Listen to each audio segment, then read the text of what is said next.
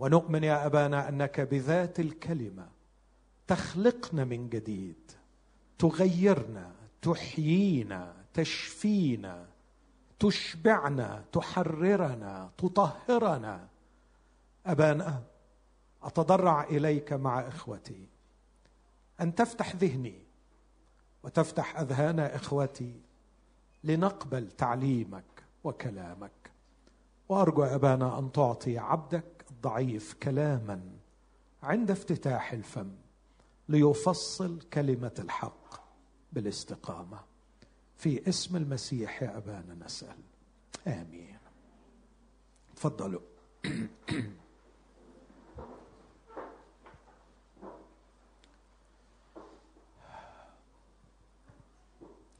أبدأ أحبائي حديثي من فرضية. أعتقد إنه ليس من من المنطق أو العقل أن أضيع وقت في إثباتها. الفرضية اللي أبدأ منها أن معظمنا إن لم يكن كلنا نؤمن أن الله موجود. أمين؟ أعرف أن البعض لديه أسئلة لديه حيرة من جهة هذا الأمر وهذا حقهم ولهم علينا حق أن نجاوبهم وأن نساعدهم. لكن اسمحوا لي أبدأ من هذه الفرضية أن معظم أحبائي أو كلنا نؤمن أن الله موجود.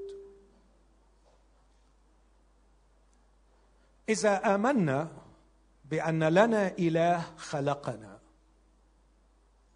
إذا آمنا بأن لنا إله خلقنا فإني شخصيا أعتقد أنه لن توجد متعة أروع من متعة رؤية مجد هذا الإله. أعتقد إن أعمق ما تصبو إليه نفسي في داخلي أن أرى مجد هذا الإله. كل مجد آخر يخبو ويزوي ويتضاءل أمام مجد الإله. إذا كانت الخليقة لها مجد فكم يكون مجد الخالق؟ إذا كانت الطبيعة التي تحمل شيئا منه بهذا الإبهار وبهذه الروعة فكيف يكون مجد الخالق؟ وكيف تكون روعة الخالق؟ إخوتي الأحباء أعتقد أنها ليست فقط ستكون أقصى وأسمى متعة يمكن أن يحظى بها المخلوق أن يستمتع برؤية مجد الخالق لكني أؤمن بشيء آخر أعتقد أنه مقبول منطقيا. أنه إذا رأيت مجد الخالق لا يمكن أن أكون بعدها كما كنت قبلها. لا يمكن أن رؤية مجد الخالق تتركني كما أنا. إني أعتقد يقينا في داخلي إن رؤية مجد الله سوف تغيرني. ليست فقط سوف تمتعني وما أسماها متعة عندما تكتحل عيني برؤية مجد خالقي. لكني أؤمن كل الإيمان أني لن أعود ذاك الإنسان قبل أن أرى مجد خالقي. إذا رأيت مجد الخالق حتما سوف أتغير ولن أظل كما كنت. لكن السؤال هل الخالق يريد أن يظهر مجده؟ هل على استعداد أن يظهر مجده؟ أقول يا أخوتي وما المانع إذا كان الله خلقنا كائنات عاقلة مخلوقة على صورته؟ وإذا كان هذا الخالق صالحا محبا عظيما لماذا لا يظهر مجده لخلائقه؟ لماذا لا يعرفنا ذاته؟ لماذا لا يخرج من وراء غموضه وحجابه ويكشف لنا عن طبيعته؟ فيجعلنا نستمتع برؤية المجد وأيضا نتغير. لماذا؟ ما المانع؟ ما المانع؟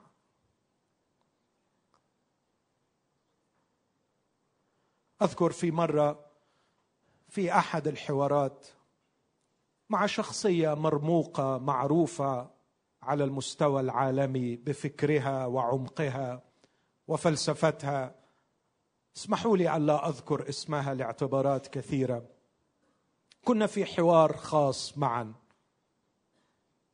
وعندما تحدثت عن الله في المسيحية وما هي عظمته وما هي طبيعته وجدت هذه الشخصية تنفعل علي وتغضب وتقول لي اترك له غموضه. إنك تحاول أن تجعله بسيطا معروفا.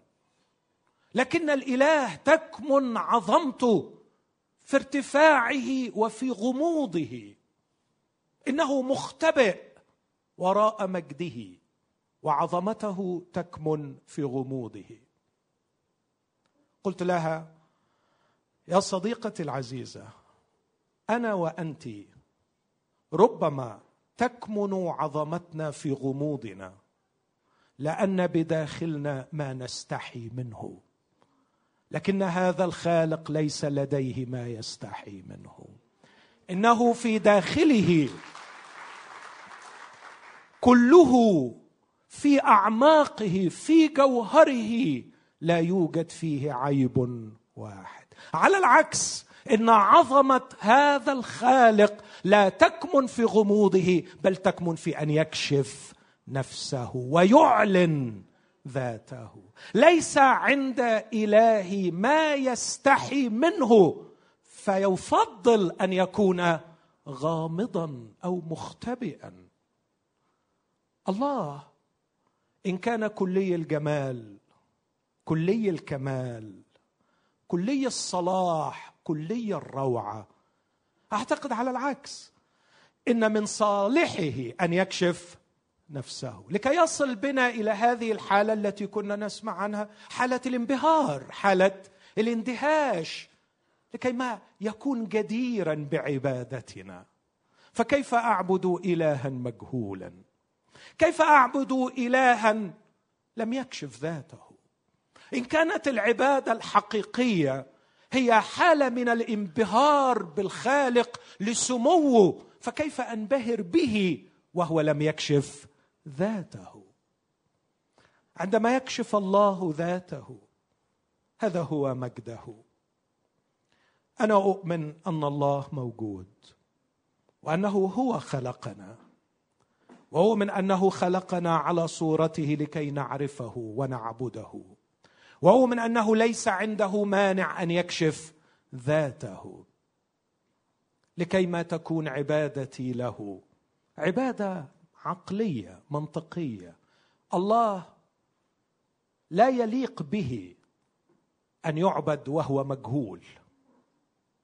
هقول مرة ثانية لا يليق بالله أن يعبد وهو مجهول. كيف يقبل على نفسه أن خلائقه تعبده دون أن تعرفه؟ إن الآلهة الصماء إن الوثن هو الذي يقبل يقبل أن يعبد وهو مجهول. لكن الله الحي الحقيقي متعته أن يكون معروفا من خلائقه. إن القصة عميقة وقديمة التي يمكن أن أستعملها كإجابة كيف إجابة عن هذا السؤال؟ كيف كشف الله مجده؟ كيف أعلن مجده؟ قصة طويلة جدا لا أريد أن أذهب إلى الأزل ثم إلى بدء الخليقة أو أن أرحل إلى الأبد في الأبدية السعيدة المجيدة هناك لكن فقط أتوقف أمام الحادثتين اللي قرأت عنهم. قد أعلن الله مجده بين شعب إسرائيل. وأعلن الله مجده في شخص يسوع المسيح. أتوقف عند هاتين المرحلتين في تاريخ البشرية.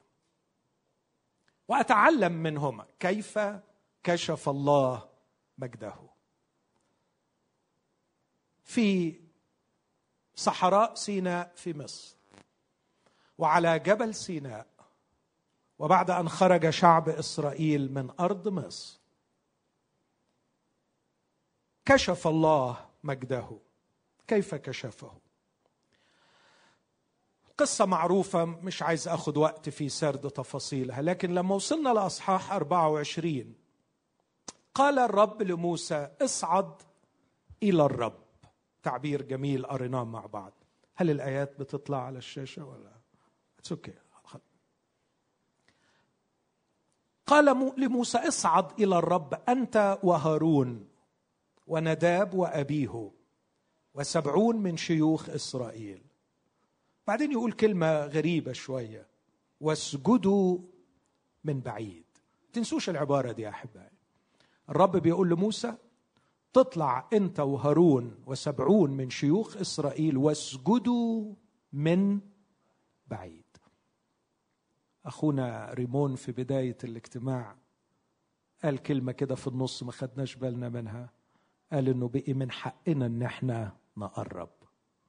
بس لاحظ شعب إسرائيل بيسجدوا من بعيد. ما تنسوش الكلمة دي يا أحبائي. اسجدوا من بعيد. وبعدين يقول له طب ده ده ده موسى والشيوخ. أمال الشعب نفسه؟ الشعب نفسه في عدد اثنين يقول ويقترب موسى وحده إلى الرب. وهم؟ واضح الكلام قدامنا؟ اسجدوا من بعيد. هم لا يقتربون. لكن اسمع كمان وأما الشعب فلا يصعد موسى يقترب. الشيوخ لا يقتربون يسجدوا من بعيد. أما الشعب نفسه فلا يصعد مش هين علي أفوت وأقول إحنا دلوقتي بنصعد وبنقترب وبنسكت. ولسنا نسجد من بعيد بل في داخل الأقداس عينها. دي بين قوسين أرجع لها بعدين. لكن مش قادر ما أقولهاش دلوقتي. مش قادر ما يفضش قلبي بالحمد للحمل المذبوح. الذي شق الحجاب وفتح الباب وجعل لمثلي دخولا إلى الأقداس. فلم أعد أسجد من بعيد. لكن صار من حقي أن أصعد إلى جبل الرب وأن أدخل إلى موضع قدسه. ليس لأني أفضل من شيوخ إسرائيل لكن لسبب واحد أني اغتسلت بدم الحمل يسوع المسيح.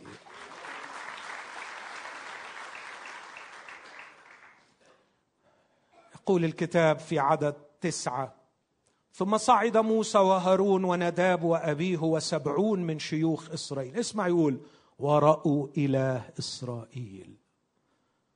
شافوا تحت رجليه. ده كل اللي قدروا يشوفوه.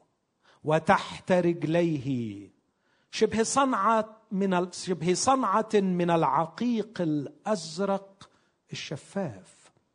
وكذات السماء في النقاوة. ولكنه لم يمد يده إلى أشراف بني إسرائيل.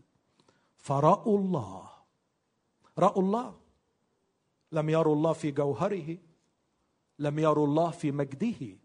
لأن حتى موسى وسيط العهد قال له الرب لا يراني الإنسان ويعيش. وعندما حلم موسى بأن يرى مجد الرب قال له الرب لا تستطيع. لا تقدر أن تراني. فعندما يقول هنا رأوا, رأوا الله هذه لغة مجازية أي رأوا ما تحت رجلي هذا المنظر البديع على الجبل. رأوا شبه صنعة العقيق ك كالعقيق الأزرق الشفاف كذات السماء في النقاوة تحت رجليه لكن ماذا رأى شعب إسرائيل؟ من مجد الرب. في عدد 17 وكان منظر مجد الرب كنار آكلة. على رأس الجبل أمام عيون بني إسرائيل. لقد كشف الرب ذاته. لقد أعلن الرب مجده. ويظل عالق في أذهان الكبار والصغار. أتخيل الشعب كله في المحلة تحت عند سفح الجبل. لا يقدر أن يقترب إلى الجبل. لا يقدر أن يصعد بالطبع إلى الجبل. لكنهم يرون الجبل يدخن يرون الجبل يرتعد ويرون على رأس الجبل نار آكلة. فيسأل الأطفال آباءهم يا بابا إيه المنظر الرهيب ده؟ النار المشتعلة. أكيد الأطفال أمام جبل يرتعد. هم أيضا الحقيقة مش الأطفال ارتعدوا في عبرانيين 12 يقول حتى أن موسى وسيط العهد. قال أنا مرتعب ومرتعد. موسى نفسه. ما هذا المنظر يا أبي؟ ما هذا المنظر يا أمي؟ الإجابة هذا هو مجد الرب يا ابني. إن مجد الرب نار آكلة. هذا هو المنظر. لا أريد أن أطيل يا إخوتي لكن إذا سرت معكم في رحلة مع هذا الشعب في كل المرات التي ذكرت فيها كلمة مجد الرب ولا سيما مثلا سفر العدد أصحاح 14 أصحاح 16 أصحاح 20 في كل مرة كان يتراءى مجد الرب كان يتراءى من أجل القضاء والدينونة. لو حبيتوا دليل علشان بس أأكد صحة كلامي. بسرعة أبص معاكم في سفر العدد أصحاح 14 وتشوفوا مجد هذا الإله الذي ظهر على الجبل كنار آكلة. في سفر العدد يتمرد الشعب على الرب وتظهر خطيتهم.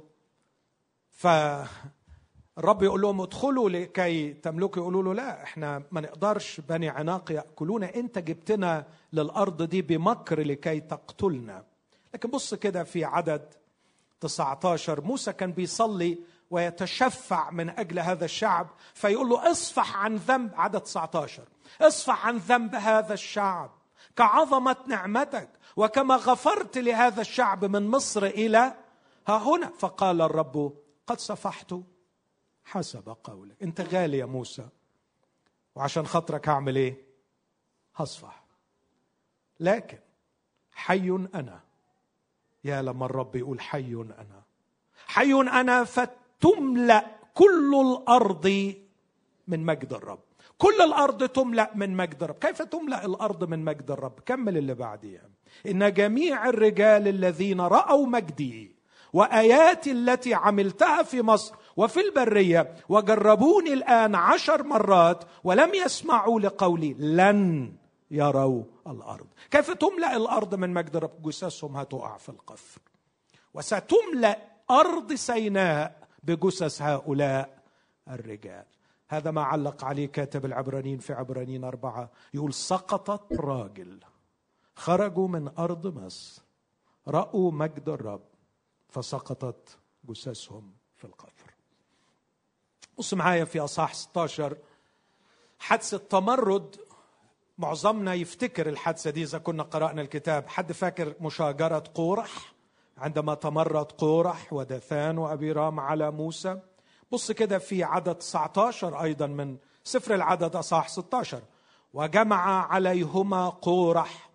كل الجماعة عمل مظاهرة عمل ثورة عمل تمرد على موسى فقورح جمع كل الجماعة والجماعة غريبة جدا. يعني ماشيين مع موسى عش سنين هذا عددها أول ما قورح لمهم كلهم راحوا مع قورح وجمع عليهما على موسى وهارون.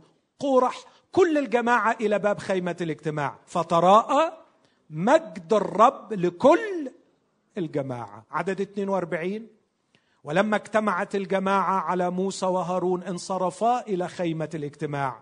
وإذ هي قد غطتها السحابة وتراءى مجد الرب. تعرفوا إيه اللي حصل بعديها؟ معظمنا عارف القصة. الأرض انشقت وابتلعته وهكذا يعوزني الوقت. أنا أسترسل معكم. عندما كان يتراءى مجد الرب كان يتراءى بالقضاء. اذا عندنا مشكلة. عندنا مشكلة حقيقية. لو تفتكروا الفرضيات اللي بدأت بيها أنا أؤمن أن الله موجود وأؤمن أن الله كلي الجمال كلي الصلاح كلي الحب كلي النعمة يريد أن يكشف ذاته. والله ليس عنده شيء يخجل منه يجعله لا يكشف ذاته. فمجد الله في أن يكشف نفسه؟ لماذا لا يكشف الله مجده؟ لماذا لا يكشف الله مجده؟ في مشكلة. المشكلة دي في كلمة اسمها الخطية. الخطية. وإذا كشف الرب مجده لشعب خاطئ لن تكون هناك إلا الدينونة والقضاء. هقول تاني. هي معادلة بسيطة. مجد الله القدوس يكشف في وسط أناس خطاة تساوي دينونة وقضاء. لماذا لا يكشف الله مجده؟ طب خليني اقولها هقول له يا رب أرجوك تكشف مجدك في العراق. استنوا عليا شوي الله يخليكم. تستعجلوش. ما تستعجلوش خدوا الحكاية لآخرها. اكشف ذاتك يا رب. اكشف ذاتك يا رب. أرنا مجدك يا رب في الموصل. أرنا مجدك في هذه الأرض. يقول لي أصحاح اللي اشار إليه ريمون. انت تعرف ان أنا قدوس؟ الملائكة تسبحني قائلة قدوس قدوس قدوس. أنت تعرف يا ابني ان أنا بكره الظلم؟ أقول له عارف. يقول لي عايزك تتخيل أب يشوف ابنه الكبير بيقهر أخته الصغيرة ولا يتحرك. ما رأيك في هذا الأب؟ إنه أب غير صالح.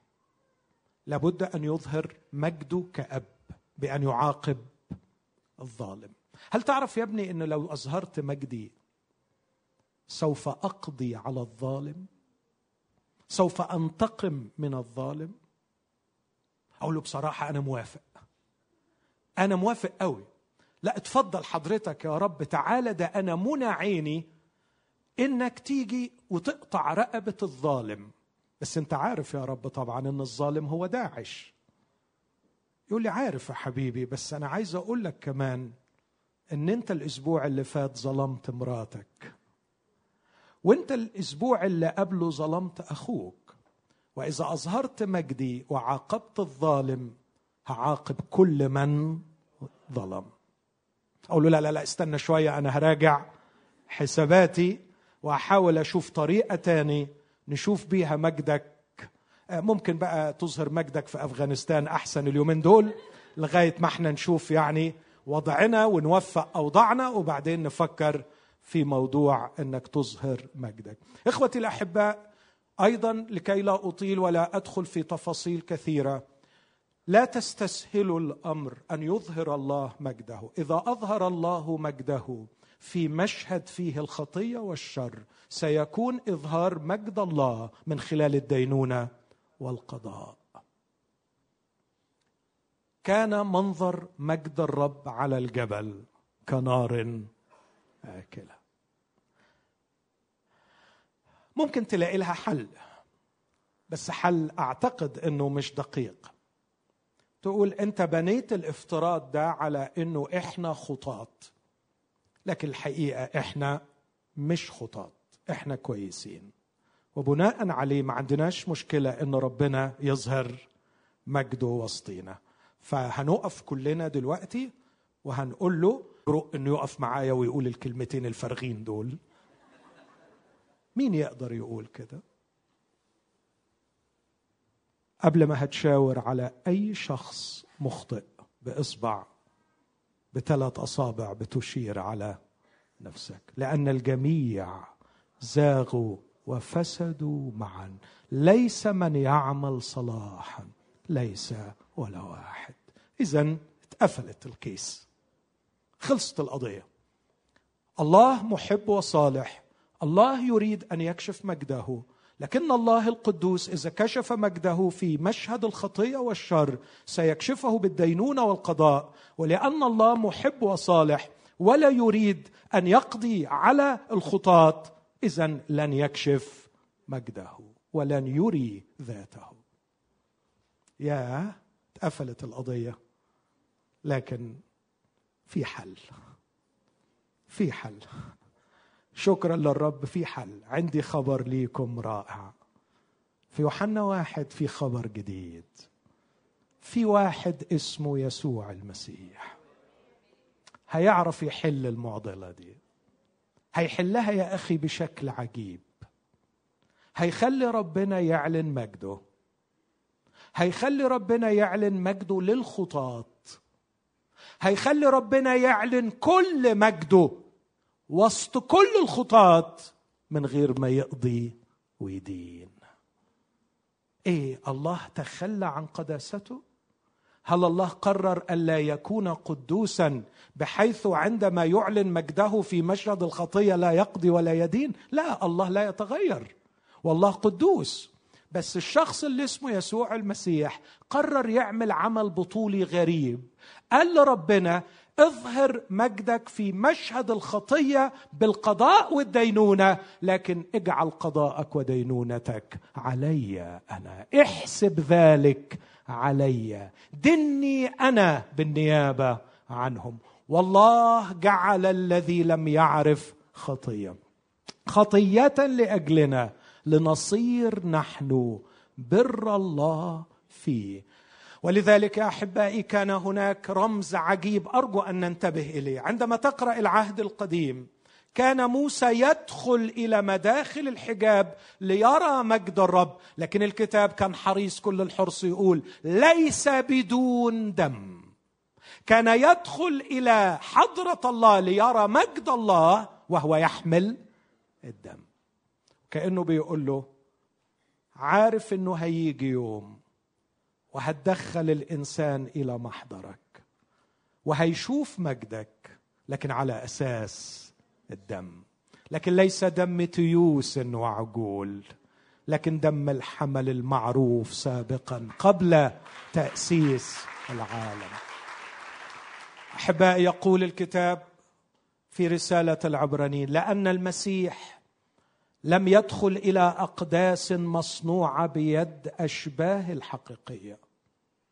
وليس بدم تيوس وعجول بل دخل بدم نفسه مرة واحدة إلى الأقداس فوجد فداء ابديا.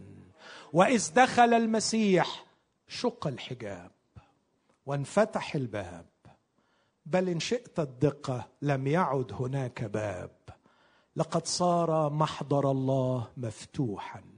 لكل من يريد أن يدخل لكن ليس بدون دم. عندما يرش عليك دم المسيح تستطيع أن تدخل إلى محضر الله وترى مجد الله. اليوم صديق بعت لي صورة كسرت قلبي كسرت قلبي. رجل مدرس تاريخ في مصر قدم كعادة العيد الأضحية. لكنه كان يغمس يده في دم الأضحية ويلطخ وجه طفلته الصغيرة ويلطخ وجه ملابسها بابتسامة عريضة يأخذ من الدم ويضع عليها يأخذ من الدم ويضع عليها. تألمت لأنه تشويه نفسي قتل معنوي. لكن هل تعلم أن هذه مجرد آثار للإعلان القديم أنه لن يستطيع الإنسان أن يرى حضرة الإله بدون دم. يرش علينا دم بس مش دم الخروف دم المسيح. يرش علي فاصبح مجهزا لحضرة الإله. وأنا مرشوش علي الدم أقول بكل احترام هذا لا يوقف قضاء الله تجاهي كخاطئ لكن يعلن أن قضاء الله تجاهك خاطئ قد نفذ وتم. لأني مرشوش بالدم. حلت المعضلة. هل يستطيع الله أن يعلن مجده لشخص خاطئ مثلي؟ أيوه يقدر يعلن بس هيعلنه بالقضاء. الآن أستطيع أن أقف في محضره مرشوش بالدم. هذا يعني أن القضاء لم يتعطل لكن القضاء قد تم. هي دي حكاية الصليب في المسيحية. هي دي حكاية الصليب. تقول لي بص كلامك كده يبدو معقول إلى حد ما بس يعني صعب صعب. وأنا أبقى كذاب لو قلت لك إنه سهل. بس اديني ربع ساعة أكلمك عن ال quantum physics اديني ربع ساعة أكلمك عن الفلسفة الظاهراناتية. اديني ربع ساعة أكلمك عن الفلسفة الوجودية. اديني ربع ساعة أكلمك عن تركيب الخلية. وأتحداك إذا ما قلتليش إن الكلام صعب. اشمعنى كل شيء في الخليقه قابل إنه يكون صعب؟ وأمور الخالق عايزها تكون أمور سطحية سهلة.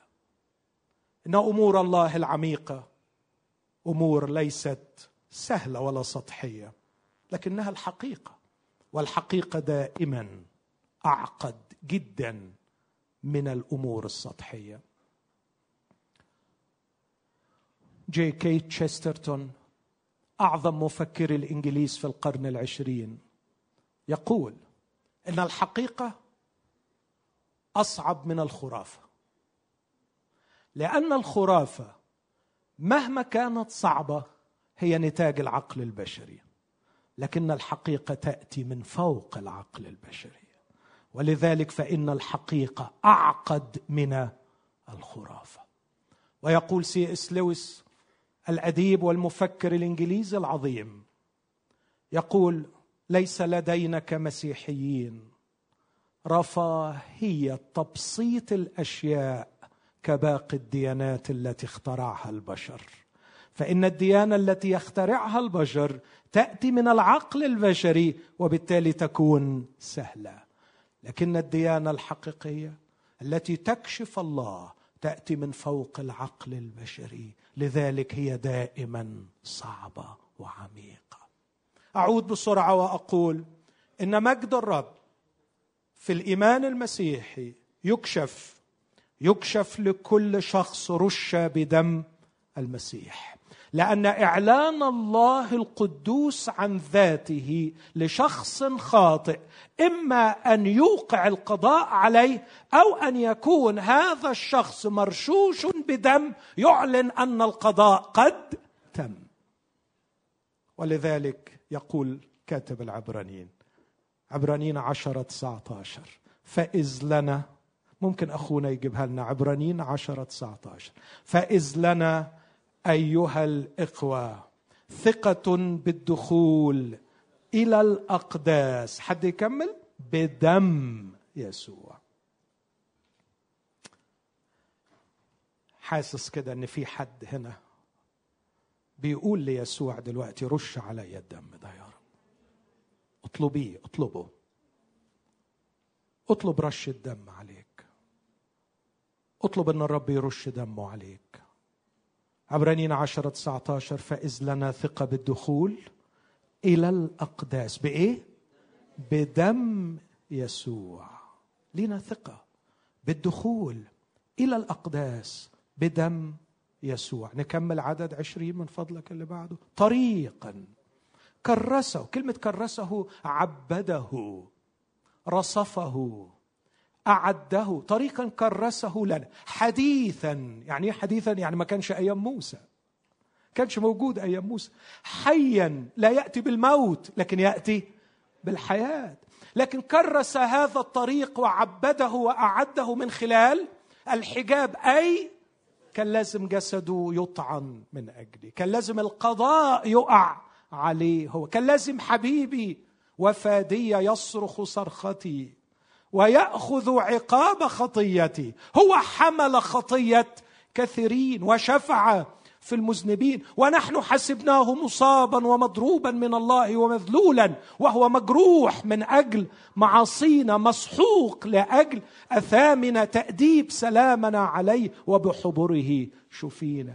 طريقا كرسه لنا حديثا حيا بالحجاب أي جسده. عدد 21 وكاهن عظيم على بيت الله. فلنتقدم. ادخل عشان تشوف مجد الرب. لو عندك شوق تشوف مجد الرب صعب وانت خاطي تقابل إله قدوس بدون دم مرشوش بيقول إن القضاء على الخطية قد تم. لو عايز تروح تقابله لوحدك روح. روح.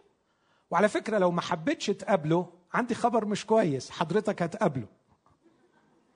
يعني قول لا مش عايز أقابله. ماشي براحتك ما تقابلهوش خالص. بس يا صاحبي مش بيدك. هيجي يوم وبدون جسدك سترى الله. بس ساعتها هتقابله من غير دم مرشوش. ويمكن تصرخ ساعتها وتقول له رش عليا الدم يقول لك فات الأوان. بعدتك عنك وتسمع الرسالة وانت ما قبلتش. فلو فكرت إنك ما تقابلش الله من حقك بس اعلم يقينا إنه في يوم من الأيام هتقابل الله. إذا أردت أن تقابل الله احذر أن تقابله بدون الفدية بدون الدم المرشوش. والخبر الرائع إن في دم مرشوش. في دم يسوع. متوفر لكل خاطي مثلي. كل اللي حابب يحتمي تحت دم المسيح الباب مفتوح. عجيب يسوع المسيح. عجيب يسوع المسيح. بذل نفسه لأجل الجميع. قول معايا عجيب يسوع المسيح عجيب. حلو فعلا فعلا.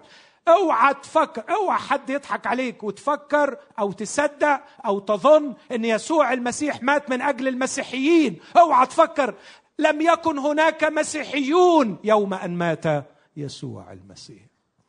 يسوع المسيح مات من أجل الجميع.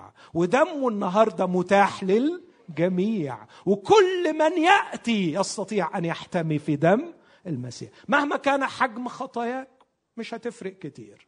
عندك مليون خطية تخلي ربنا يدينك. عندك خطية واحدة هتخلي ربنا يدينك. كنت مؤدب وابن ناس عندك خطية وتخلي ربنا يدينك.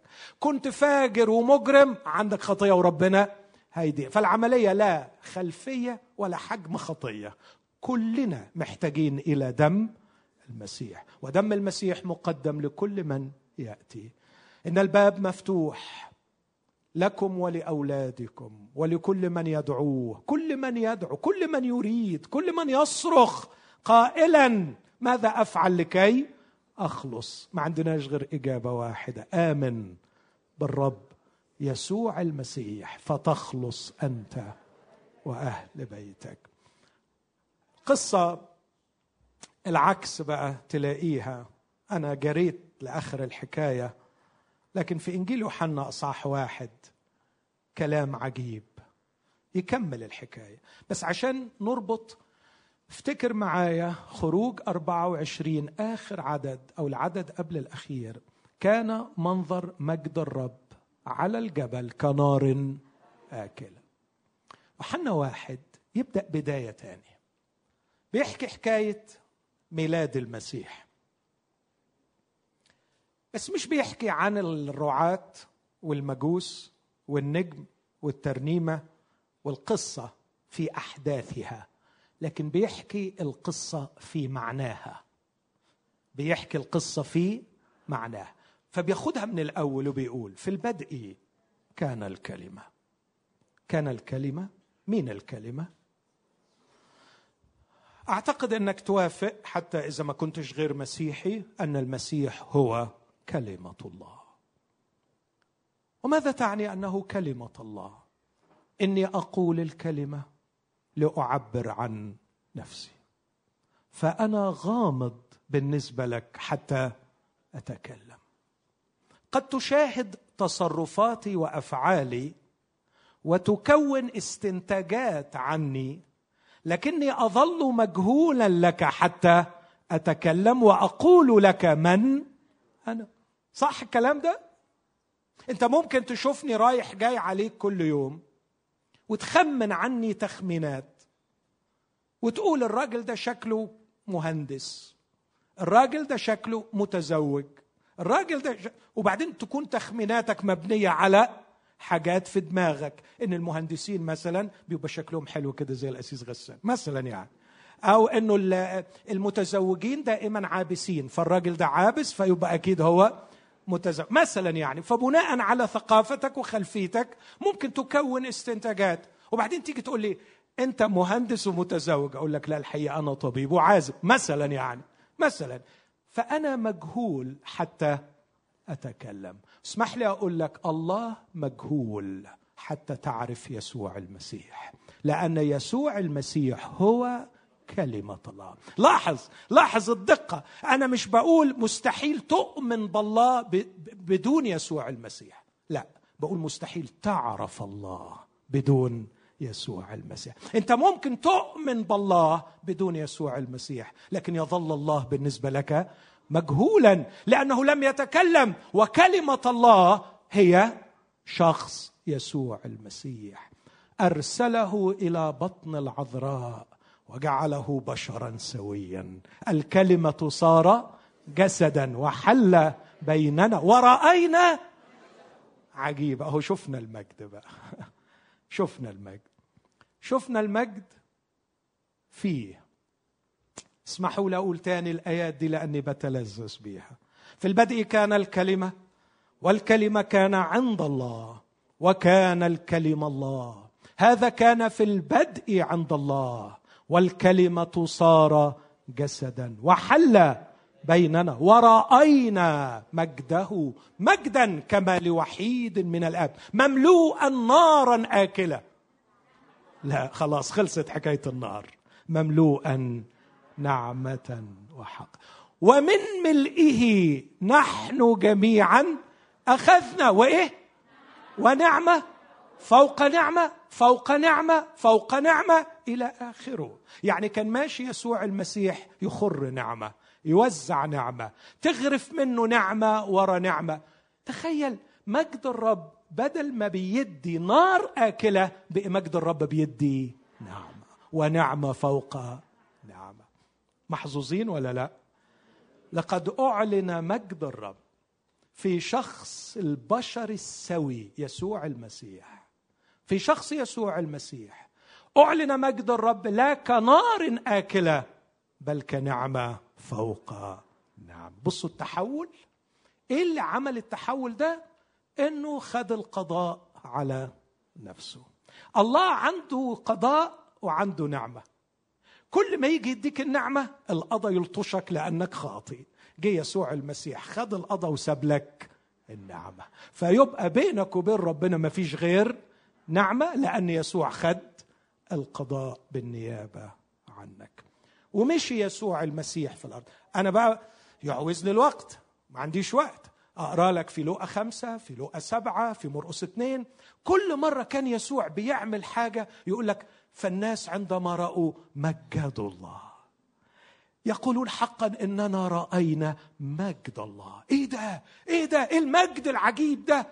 الأعمى بيفتح والمريض بيشفى والابرص بيطهر والميت بيقوم والحب بيفيض في شوارع أورشليم. النعمة عمالة تغطي كل احتياجات المساكين. وعندما نسأل ما هذه النعمة التي تجري في شوارع الجليل يقولون إن مجد الرب قد ظهر. يا للعجب إن مجد الرب عندما ظهر قديما ظهر كنار آكلة. فكيف اليوم يجري بأنهار النعمة لتسد احتياجات المساكين؟ لكن يسوع يقول ليس هذا هو فقط.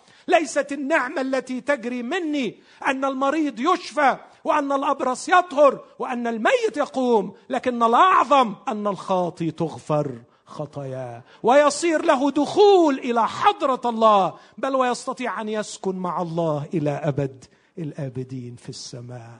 ما أمجد النعمة التي تجري من إعلان مجد الله في شخص يسوع المسيح. باقي لي كلمتين إن شاء الله ياخدوا خمس دقائق الكلمة الأولى يسوع المسيح هو كلمة الله. موافق؟ كم واحد موافق؟ كويس. أعتقد إنك لو مسيحي لازم توافق لو مسلم لازم توافق. ان يسوع المسيح هو كلمة الله. الله يتكلم. كلمة كلمة في اللغة اليونانية لوجوس يعني منطق. فاقدر أقول يسوع المسيح هو كلمة الله هو منطق الله. أنا عندما أتكلم أعلن فكري في جملة. هقول تاني أعلن فكري في جملة. وأنا كشخص منطقي أعلن منطقي في محاجة. صعبتها شوي. انسى العبارة الثانية دي. خليني في الأولانية. أنا كإنسان مفكر أعلن فكري في جملة. لكن اسمح لي أقول الله ما تكفهوش جملة لكي يعلن نفسه. الله ما تكفهوش كلمة. الله ما يكفهوش كتاب. لكن الله شخص ولكي يعلن ذاته كان لابد أن يعلن ذاته في شخص. يسوع المسيح مش كلمة ولا جملة ولا كتاب. يسوع المسيح شخص. فيسوع الشخص هو كلمة الله.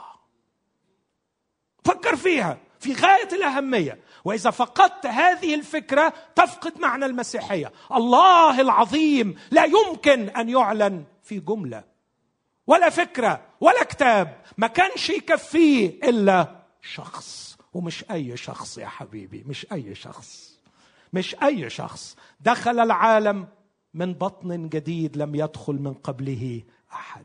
بطريقة جديدة لم يدخل بها أحد. وعاش على الأرض حياة لم يعشها أحد. وصنع أعمالا لم يعملها أحد. وعلم تعاليم لم يعملها أحد. وصعد إلى السماء بطريقة لم يصعد بها أحد.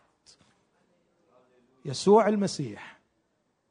شخص كفء أن يعبر عن الله. عشان كده اسمه ابن الله. عشان كده اسمه ابن الله. لأنه عرف يعبر لنا عن الله. عندي ابن من ولادي أشكر الله لأجل ولادي الاثنين. حلوين بركة من عند الرب. واحد فيهم بيحب الفلسفة شوي. فكل ما يشوفوه الناس يقولوا له ابن أبوك. طالع لأبوك. أنا بتبسط. بيعبر عني. أنا ما قصدتش أعلمه الفلسفة ولا أخليه يحب الفلسفة بس هو ابني. غصب عنه المسكين طلع اتدبس فيها. لما دخل الجامعة السنة دي أمه بتقول له هتدخل يا حبيبي تدرس إيه؟ قال لها فلسفة. قالت يا غلبي يبقوا اتنين. فيعني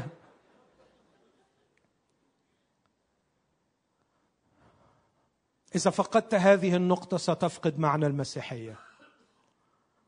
الله العظيم الله الكبير. لا تختزلوا إلى شخص صغير يعبر عنه بكتاب.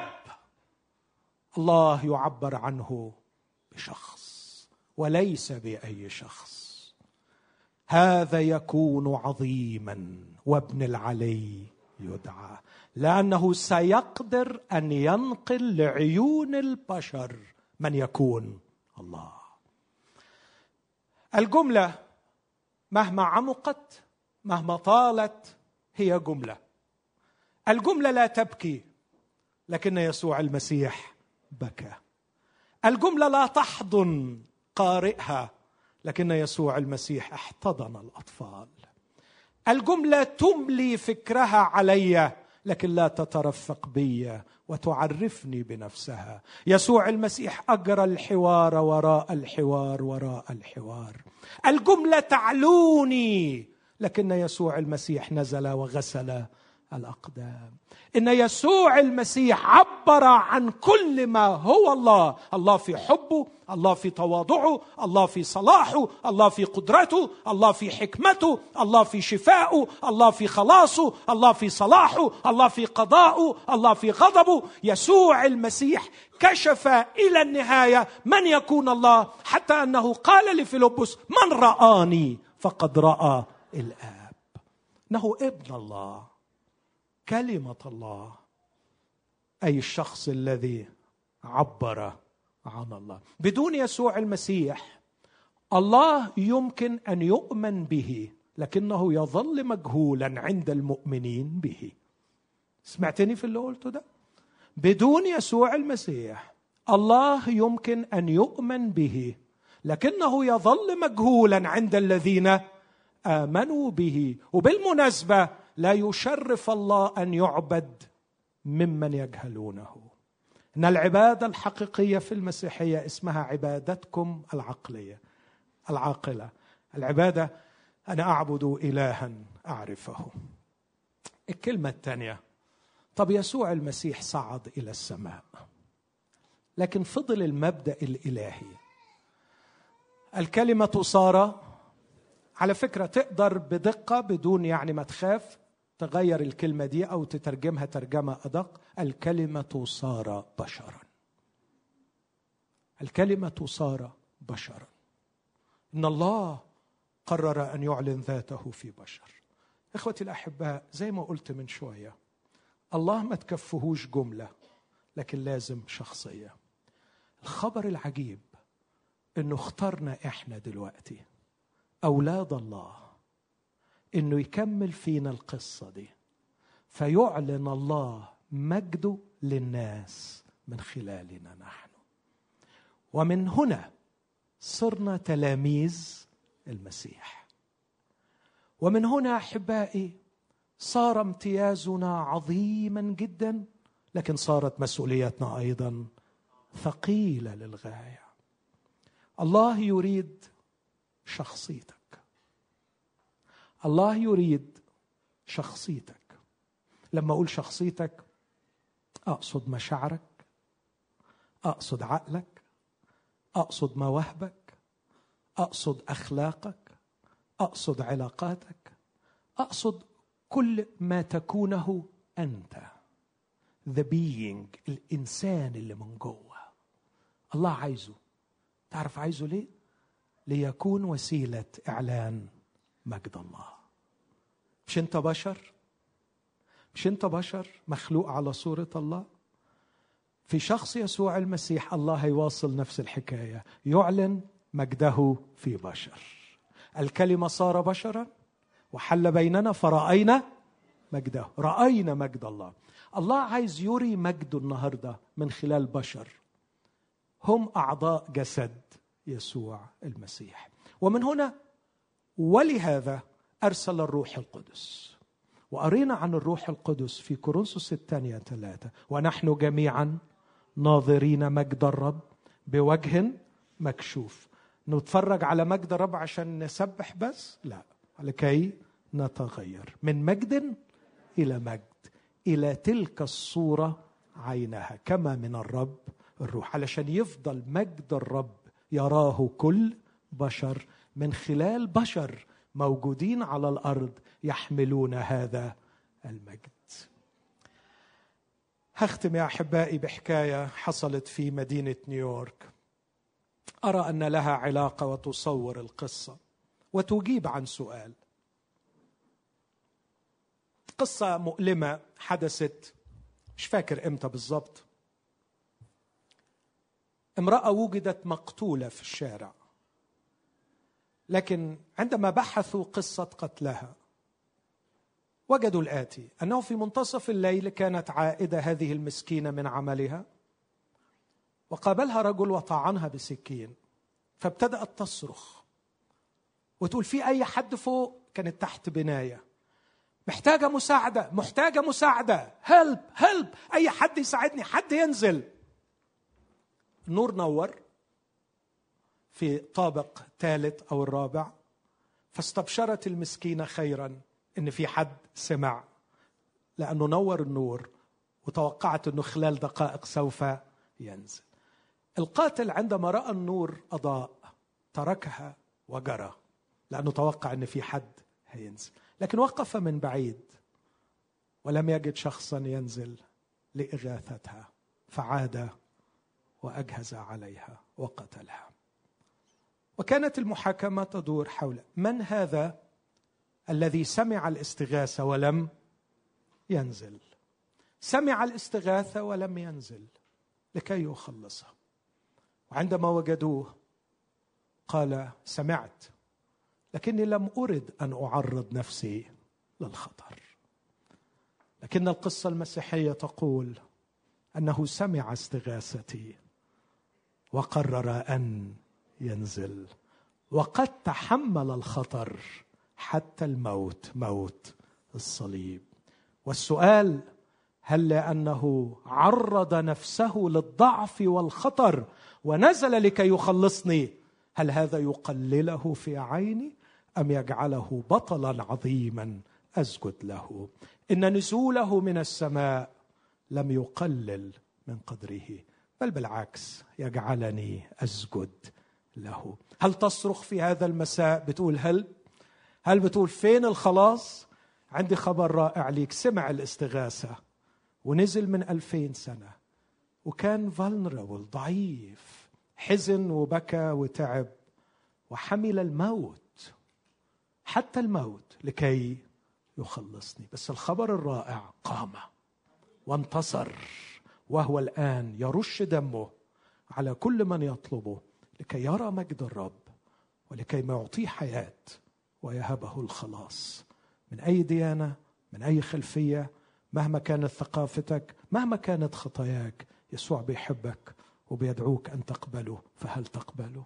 خلونا نقف كلنا مع بعض مع أخونا ريمون وإحنا بنرنم. وخلي على قلبك هذه الكلمات. أنا بقبلك.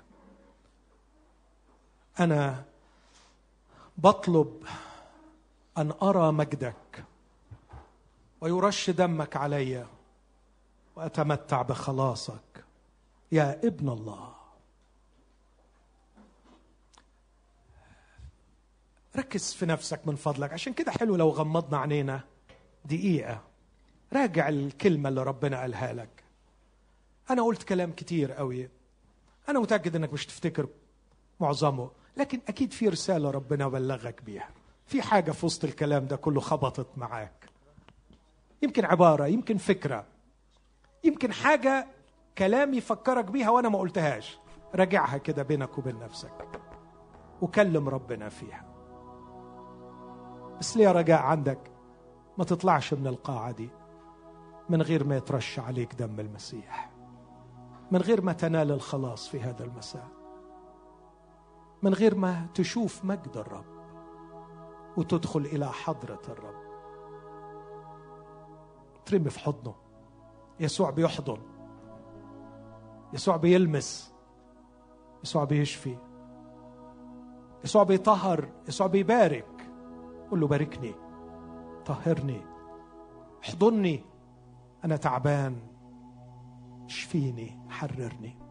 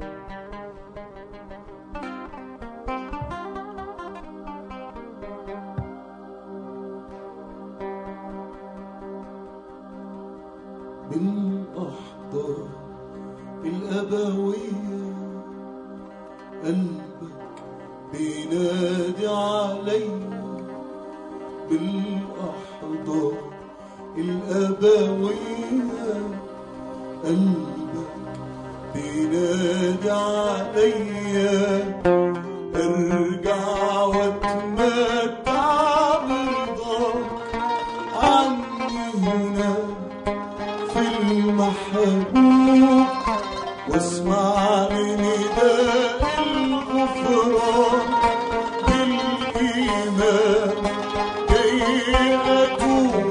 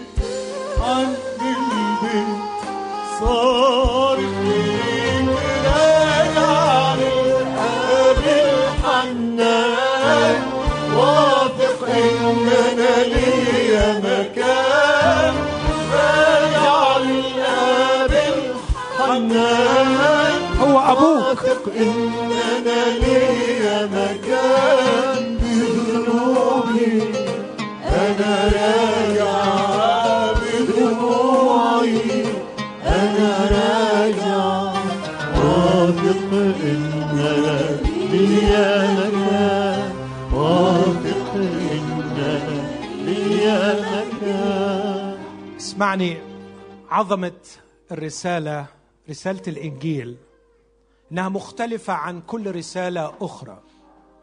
كل الديانات بتقول لك روح اتصرف في ذنوبك.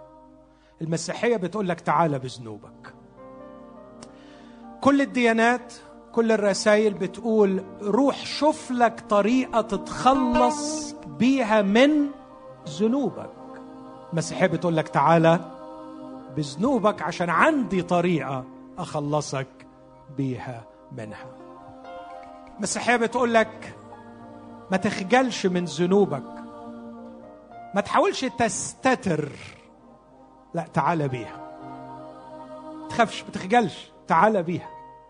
اذهبي وادعي زوجك وتعالي إلى هنا روحي هات الخطية. معقول؟ وهتقبلني؟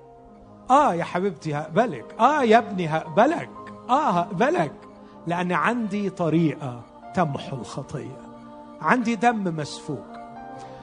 لا توجد فلسفة ولا ديانة تدعو الناس أن تأتي إلى الله بذنوبها إلا المسيحية.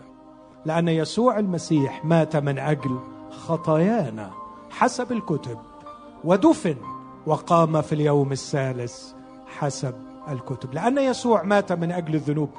تقدر تيجي بذنوبك. أنا هطلب من أخونا ريمون يقول لنا عددين من الترنيمة الجميلة اللي خلتني انشغلت بالوعظة دي. عن يسوع الذي أتى بتاعت التجسد.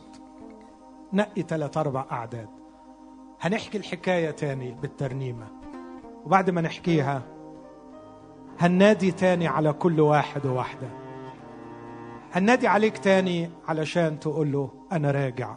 بذنوبي أنا راجع. بس واثق مكان. أحلى خبر في المسيحية الله أبوك. ومستنيك ترجع بذنوبك. يقول لكش روح تخلص منها. سافر لك مشوار كبير. اخلص منها وتعالى. لا بقول لك تعالى في حضني بيها وأنا هخلصك منها.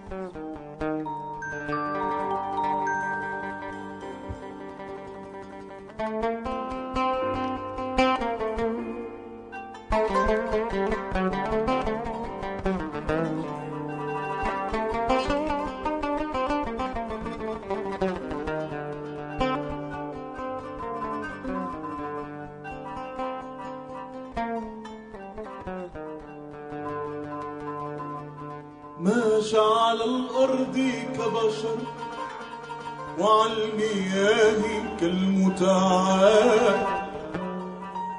وبكى عند القبر وقال للميت اخرج في الحال ماشى على الأرض كبشر وعلى المياه كالمتعال وبكى عند القبر وقال للميت اخرج في الحال هللويا.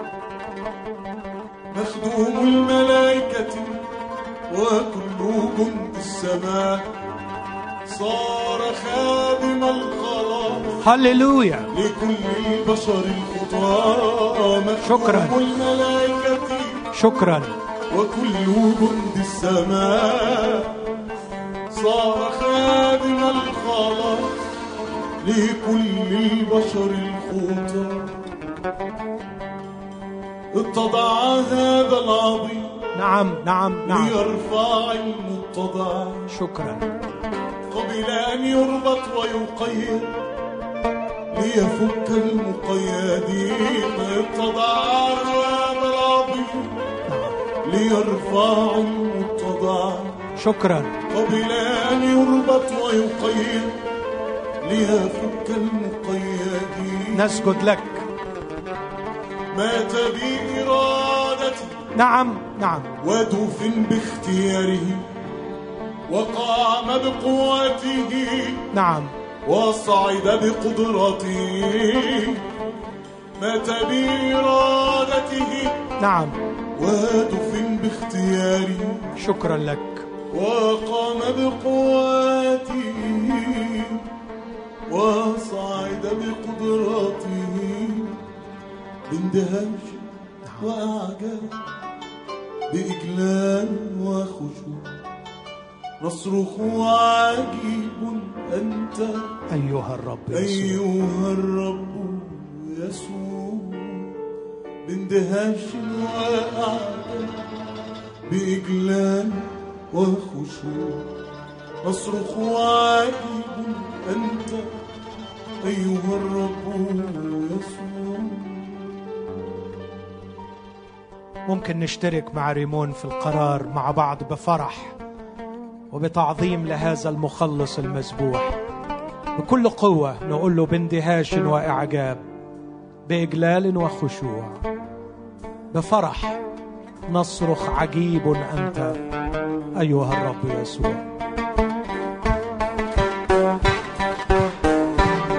بهاج وأعجاب بإجلال وخشوع. أصرخ عجيب أنت أيها الرب يسوع بانتهاج وإعجاب بإجلال وخشوع نصرخ عجيب أنت أيها الرب يسوع. الخفي قد تجلى والغني قد افتقر منطق بعظمته ولا يوصف لأنه سر. الخفي قد تجلى والغني قد افتقر ننطق بعظمته ولا يوصف لأنه سر. اندهاش وإعجاب بإجلال وخشوع. مصروف عجيب أنت أيها الرب يسوع. وهو كائن معنا وسيأتي في مجده لافتداء المقتنى لنمجده إلى الأبد. وهو كائن وسيأتي لمجده ابتداء لنمجده إلى الأبد باندهاش وإعجاب بإجلال وخشوع. نصرخ عجيب أنت أيها الرب يسوع باندهاش وإعجاب بإجلال وخشوع. نصرخ عجيب أنت أيها الرب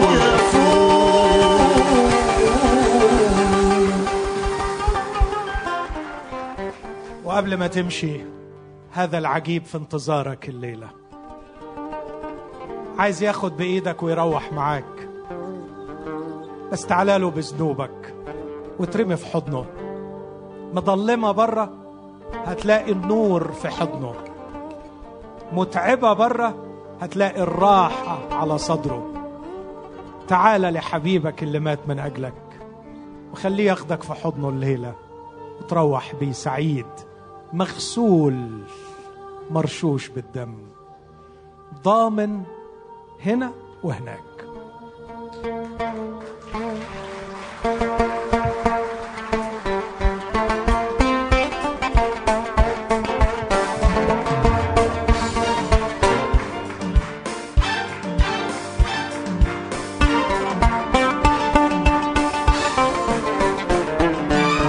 مخلصي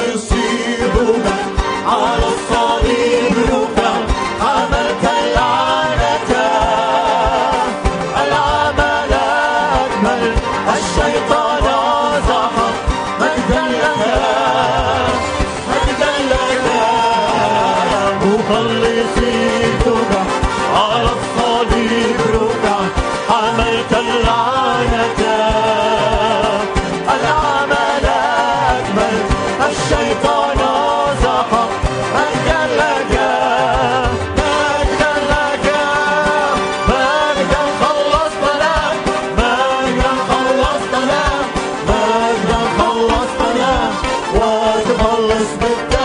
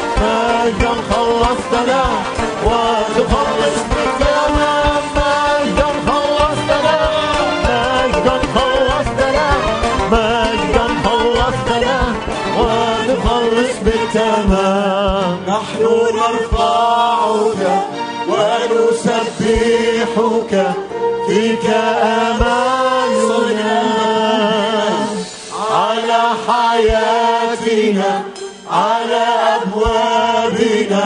دماؤك دماؤك.